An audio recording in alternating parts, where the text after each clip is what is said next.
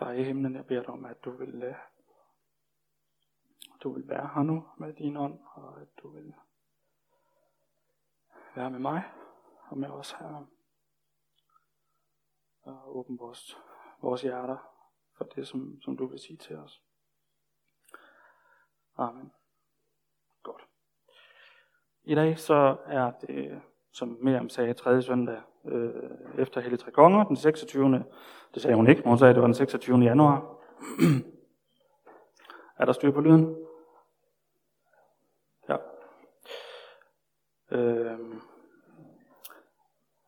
dagens tekst. Lyder det rigtigt for jer? Godt, fordi det lyder helt vildt i mit hoved. Øh, dagens tekst er fra, øh, fra, jeg tager altid den fra, som regel den fra Folkekirkens tekstrække, og det er fra Lukas evangeliet, øh, kapitel 17, vers 5-10. Men jeg vil også med at tage de to første vers derfra, og så i stedet for at bruge epistelteksten til, øh, til dagens prædiken, eller til dagens tekst.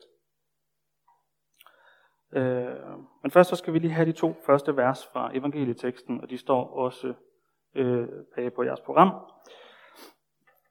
Apostlene sagde til Herren, giv os en større tro. Herren svarede, havde I en tro som et sennepsfrø, kunne I sige til dette morbærtræ, ryk dig op med rode og plant dig i havet, og det vil adlyde jer. Vi stopper lige der en gang. Øh, inden Jesus han siger det her, så har han lige stået så har han øh, så har han lige fortalt disciplinen om og, og øh, øh, advaret dem mod at føre andre til fald. Kan man slukke nogle af de her mikrofoner eller monitor eller et eller andet? Okay. Godt.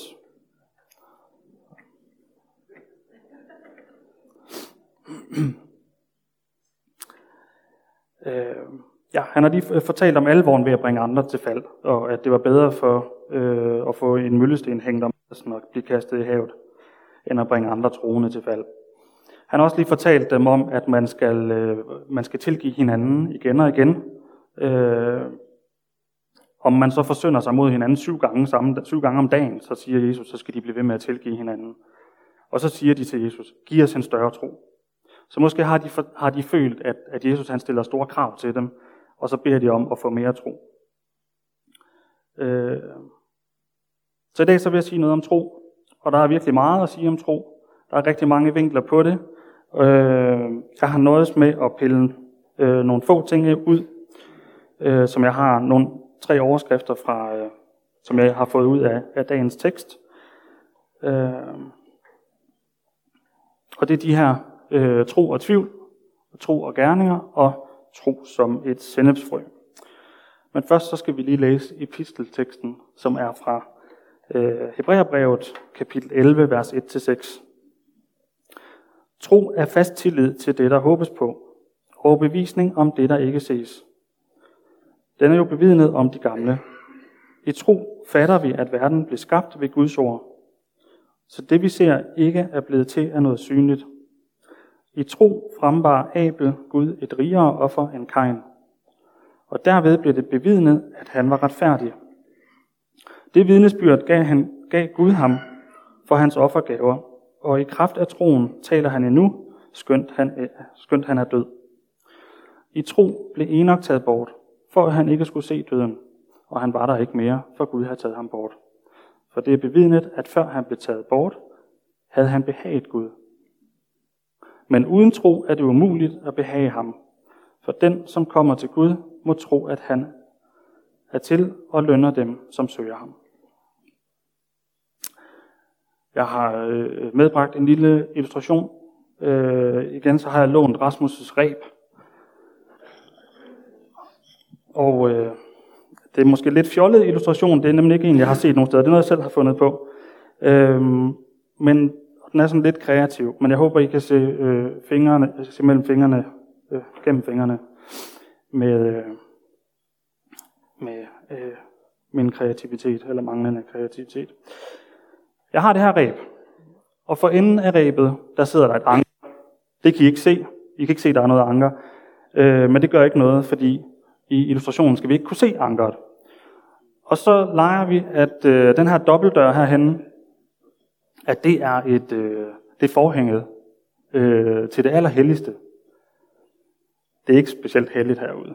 Øh, men men hvis, I, hvis vi lige kan lege, at det er, det er forhænget til det allerhelligste, øh, som er blevet flænget, øh, da Jesus han døde på korset. Og øh, så ankeret her, det sætter jeg lige fast herude. Det skal vi nemlig slet ikke kunne se. Øh, Jesus han gik øh, i forvejen for os ind i det allerhelligste og skabte adgang for os.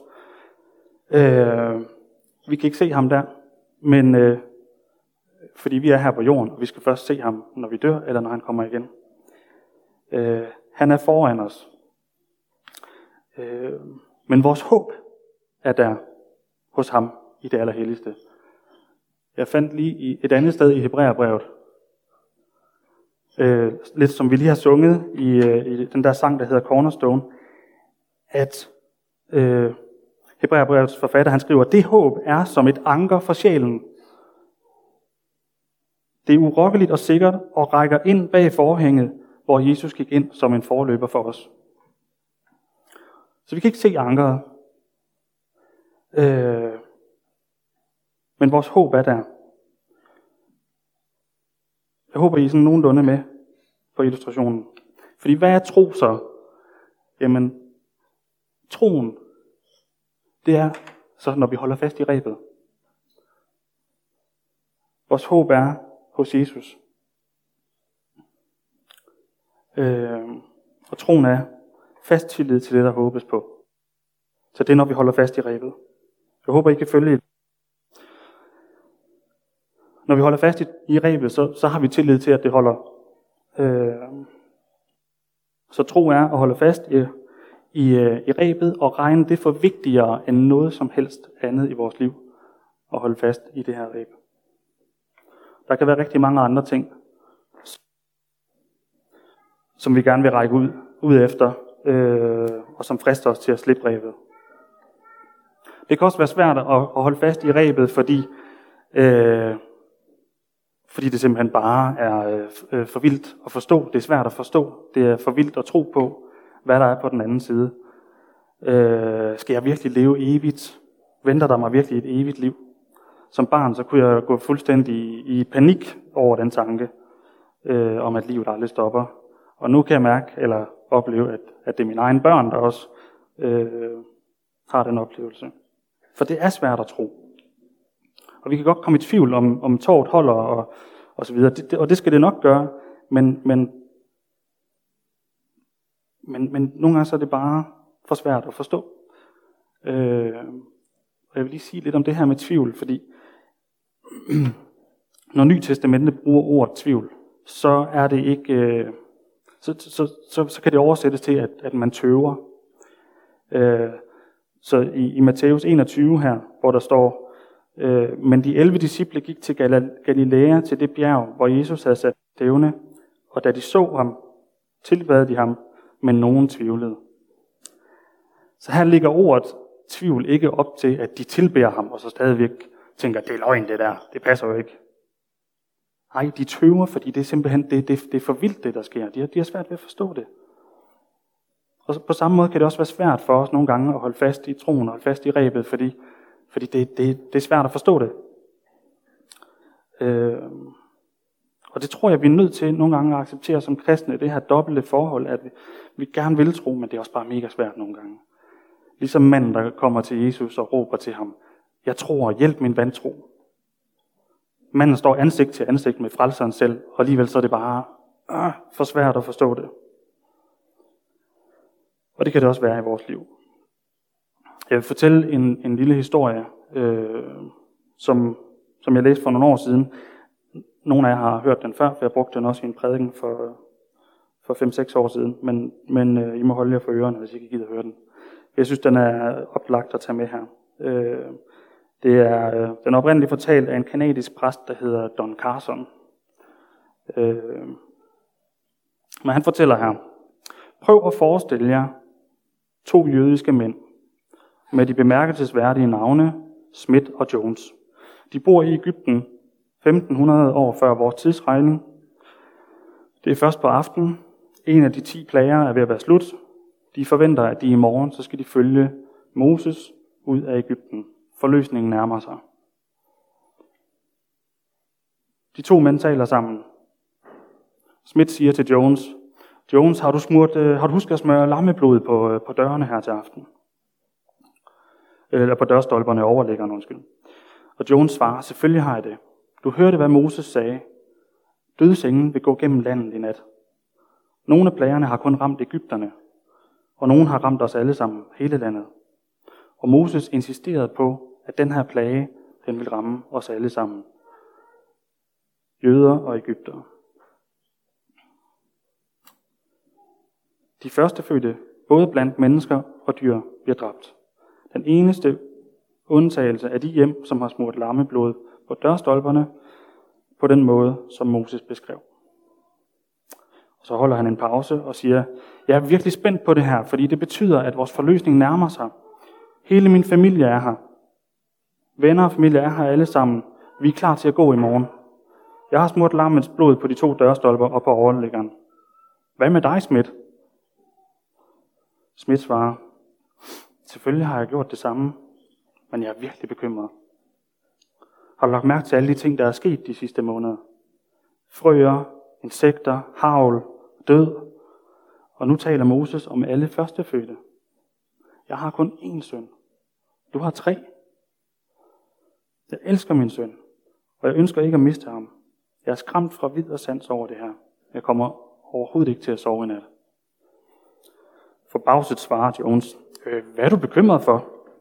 Gud har jo selv lovet gennem sin tjener Moses, at alle, der smører blod på de to dørstolper og på overliggeren, bliver frelst. Din søn bliver frelst. Din søn er her også i morgen tidlig. Du har jo allerede smurt blod på dørstolperne og på overliggeren. Smith svarer, det er rigtigt, at jeg har gjort det, men jeg er alligevel skræmt for videre sans. Den nat gik dødsenglen gennem landet. Hvem mistede sin søn? Smith eller Jones? Svaret er selvfølgelig, at det gjorde ingen af dem. For løftet byggede ikke på, hvor stærk deres tro var, og heller ikke på glæden ved at adlyde, men på, om de skjulte sig bag lammets blod. De havde den rette indstilling til lammet, og hvad det betød at skjule sig bag det. Og de turde adlyde, adlyde kaldet, men løftet byggede ikke på, hvad de mente om det, eller hvor meget de troede det. De holdt faktisk bare fat. De holdt bare fast i rebet. That's it. Selvom deres følelser omkring det var vidt forskellige, så holdt de bare fast. Og det samme kan vi gøre, også selvom vi er bange, eller selvom vi er i tvivl, og om vi er nervøse for, om vi nu tror på den rigtige måde, eller har de rigtige holdninger, eller så kan vi bare holde fast. Det næste, jeg vil sige noget om, det er troen i forhold til gerninger. Øh, og den overskrift, den udspringer øh, af epistelteksten, hvor at, øh, at forfatteren skriver om Abel, at i tro frembar, frembar Abel Gud et rigere offer end Kain. Mange af os husker den her beretning om Kain og Abel. Øh, vores præst Markus, han fortalte mig for noget tid siden, at det tyske sprog faktisk allerede blev introduceret i første Mosebog, da der pludselig var Kain, Abel. Jeg har, jeg ved ikke med jer, men jeg har mange gange, øh, hvad hedder det, tænkt, nu skal jeg prøve at læse Bibelen fra ende til anden. Så jeg startet forfra hver gang. Så den her beretning, den har jeg læst mange gange. Øh, og, øh, og jeg kan huske i min, øh, min øh, børnebibel, øh, fra da jeg var barn, der var der sådan en illustration af Kain og Abel, der offrede, hvor at øh, øh, røgen fra den ene offring, den, den gik ligesom vandret, og den anden, den gik så op mod Gud, øh, fordi Gud tog imod den. Og jeg har altid sådan lidt, synes det var lidt unfair øh, fra Guds side. For hvad var forskellen? Jo, forskellen var egentlig ikke offeret i sig selv. Det står der ikke noget om her. Her der står der, at forskellen var troen. Troen hos den, der offrede. Vi får at vide, at Abels offer blev frembragt i to. Så troen gør forskellen. Og som vi også læser længere nede i epistelteksten, men uden tro er det umuligt at behage ham, altså Gud. For den, som kommer til Gud, må tro, at han er til, og lønner dem, der søger ham. Vi læser også i Romerbrevet 14.23, alt hvad der ikke er tro er synd. Og det var sådan lidt en, øh, en aha-oplevelse for mig, eller det ved jeg ikke, aha, det var i hvert fald nyt for mig at læse det her. Øh, så vi læser de to linjer engang til, men uden tro er det umuligt at behage ham, for den, som kommer til Gud, må tro, at han er til og lønner den, som søger ham. Og alt, hvad der ikke er tro, er synd. Jeg fortalte om de her vers til en af mine venner forleden, hvor til min ven han svarer, så tror jeg, øh, forfatteren til Hebræerbrevet, han tager fejl. Fordi det er, det er så radikalt. Men skal vi tage Paulus og Hebræerbrevets forfatters udsagn for pålydende og tro på beretningen om Kain og Abel, så kan vi altså ikke behage Gud, hvis ikke vi tror på, han, øh, hvis ikke vi tror på ham. Uanset hvor meget vi offrer. Vi taler her til om, øh, om det her med tro og gerninger, der hænger sammen. Øh, så har vi brugt Jakobsbrevet, øh, hvor Jakob skriver det her med, at øh, en tro uden gerninger er en død tro. Eller Johannes Døber, der står i ørkenen og råber, så bær da de øh, gerninger, som omvendelsen kræver. Men i dag så lærer vi her, at, at det hænger altså også uløseligt sammen den modsatte vej. At gerninger uden tro kan ikke behage Gud. Så uanset hvordan vi vender og drejer det, så kan de her tro og gerninger, de kan ikke, de kan ikke skille sig. Øh, en amerikansk præst, der hedder Francis Chan, han formulerer det på den måde, at tro er, når du gør noget, der kun giver mening, hvis der er liv efter døden. Tro er, når du gør noget, der kun giver mening, hvis der er liv efter døden. Altså at vi opfører os og prioriterer os, og prioriterer simpelthen alt i vores liv på en måde, der kun giver mening, hvis der er liv efter døden. Og hvad betyder det? Jamen det betyder, at troen, den kan ikke være usynlig. Altså hvis vi tror, og hvis vi virkelig fatter, at Gud har givet os det evige liv gennem Jesus Kristus, så vil det være utænkeligt, at folk omkring os de ikke opdager det. For troen er ikke noget usynligt, som andre mennesker ikke kan se. Nej, den kommer helt automatisk til syne igennem den måde, vi lever vores liv på. Øh, i kapitel 10 øh, i Hebræerbrevet, øh, der får øh, både hebræerne øh, på det her tidspunkt, hvor brevet er skrevet, og os, der læser det i dag, får en påmindelse om, hvordan det var helt i starten, hvordan de, de første kristnes tro var, var synlig. Husk den første tid, da I efter at være blevet oplyst, udstod meget, meget kamp og lidelse. Når I enten selv blev stillet offentligt til skue under spot og mishandling, eller gjorde fælles sag med andre, når de blev behandlet sådan, for I led med de fængslede, og I fandt jer med glæde i, at man røvede jeres ejendom, fordi I vidste, at I ejer en bedre formue, som ikke forgår. Det forfatteren skriver til hebræerne her, det er, at jamen, i den første tid, da nåden var virksom i dem, og troen var virksom i dem, så var der vidnesbyrd over deres liv. Et liv, der vidner om nåden og evangeliet, møder modgang og, og forfølgelser. Det er en anden ånd end den her verden, og det kan verden ikke lide. Men de udholdt modgangen. De blev hånet for deres tro. De fandt sig i, når man stjal fra dem. Øh, lidelsen for Kristi skyld, det bandt dem faktisk tættere sammen. De var heller ikke så fokuseret på jordisk rigdom, så, det, så deres verden brød sammen, hvis, hvis de blev uretmæssigt blev, blev frataget noget. For de havde en formue et andet sted. De vidste dengang, og det kan vi læse flere steder i vores Bibel, at, at prøvelser giver udholdenhed. Og udholdenhed styrker håbet øh, og giver os frimodighed til at gøre de gerninger, som Gud har lagt til rette for os at vandre i. Så hvis vi vil være fri for prøvelserne og modgangen, så skal vi bare lade være med at, øh, at gøre gerninger af tro. Så dør troen helt af sig selv. Så det hænger uløseligt sammen. Og så skal vi have fat i en ting mere fra teksten i dag, hvor at Jesus siger til, øh, til disciplerne, havde I en tro som et sendesfrø, kunne I sige til dette morbetræ, ryk dig op med rode og plant dig i havet, og det vil adlyde jer. Det tror jeg ikke, Jesus har sagt, fordi han vil have, at vi skal stille os hjem i haven og øve os på træer og buske hjemme i haven. Øh, og så blive skuffet over, at de ikke øh, rykker sig op og planter sig i havet. Øh, og i Matthæus 17, der bruger Jesus faktisk et bjerg som eksempel, øh, så i stedet for et træ. Så, så, øh, så det skal vi ikke bide så meget mærke i.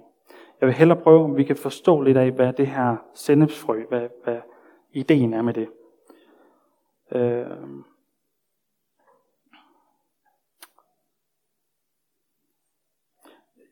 Jesus siger i øh, Matthæus 13 i en anden lignelse øh, om sendesfrøet, at sendesfrøet er mindre end alle andre frø. Og det kan godt få nogen til at tænke, at jamen, det, det, det betyder jo egentlig bare, så behøver jeg bare at tro meget lidt. Og så er alt fint. Den øh, tolkning vil jeg øh, tillade mig som lægmand og uden nogen teologisk uddannelse at stille mig kritisk overfor. Dels fordi, at hvis vi tager tåret her i betragtning, eller rebet, eller snoren, eller, øh, så synes jeg ikke, det giver mening, at Jesus øh, skulle sige til os, det er okay, at du holder meget, meget lidt fast i rebet, og det er okay, at du bruger energi på alt andet i hele verden, og kun lige akkurat holder fast i rebet. Øh, det er okay, at du ikke har det som det vigtigste i dit liv at holde fast i rebet. Det vil ikke give mening, hvis Jesus sagde det, for det ville være, hvis det var det, han mente, for det ville være modstrid med alt, hvad han ellers siger om kompromilløs efterfølgelse. Er jeg overbevist om, at han vil lære os noget andet, når han henviser til det her sendelsfrø? Øh, jeg ved ikke, hvordan det ser ud i dag, men jeg har læst mig til, at, øh, at der dels den, dengang og i dag øh, vokser rigtig mange sennepstræer vildt øh, i området omkring, især omkring øh, Genesrets sø. Og det derfor var oplagt, at øh, Jesus han skulle tage det her som et eksempel øh, på vækst, især fordi den har så små øh, frø eller, eller korn. Der er ikke tale om, om de samme sennepstræer eller rettere planter, buske, som vi får sennep fra, når vi køber Bornholmersennep eller, eller det skovens. Der er tale om et træ, som hedder Salvadora persica, har jeg fundet ud af. Træet opnår generelt en højde, som ikke, øh, som ikke på nogen måde er at sammenligne med, med kæmpe ene eller Libanons høje sædertræer, som vi også læser om i Bibelen. Øh, så hvorfor brugte Jesus lige det her om vores tro? Jo, som jeg sagde før, så har øh, sennepstræet, har jeg læst mig til, ufattelig små øh, korn eller frø. Og, øh, og langt mindre end dem, vi laver sennep af. Øh, bitte, bitte små korn, som bare inden for 24 timer, når de lander i det tørre, varme sand, hvor ting ellers ikke burde vokse, så begynder de at spire inden for bare 24 timer. Det er, det er da crazy. Og så bliver det til et stort og frodigt træ, som vilde dyr og fugle kan, kan gemme sig i, bygge rede i. Og det starter med det her lille bitte bitte frø. Øh, jo, frøet vokser og vokser og bliver til mere og mere liv og bliver til glæde og til velsignelse for andre.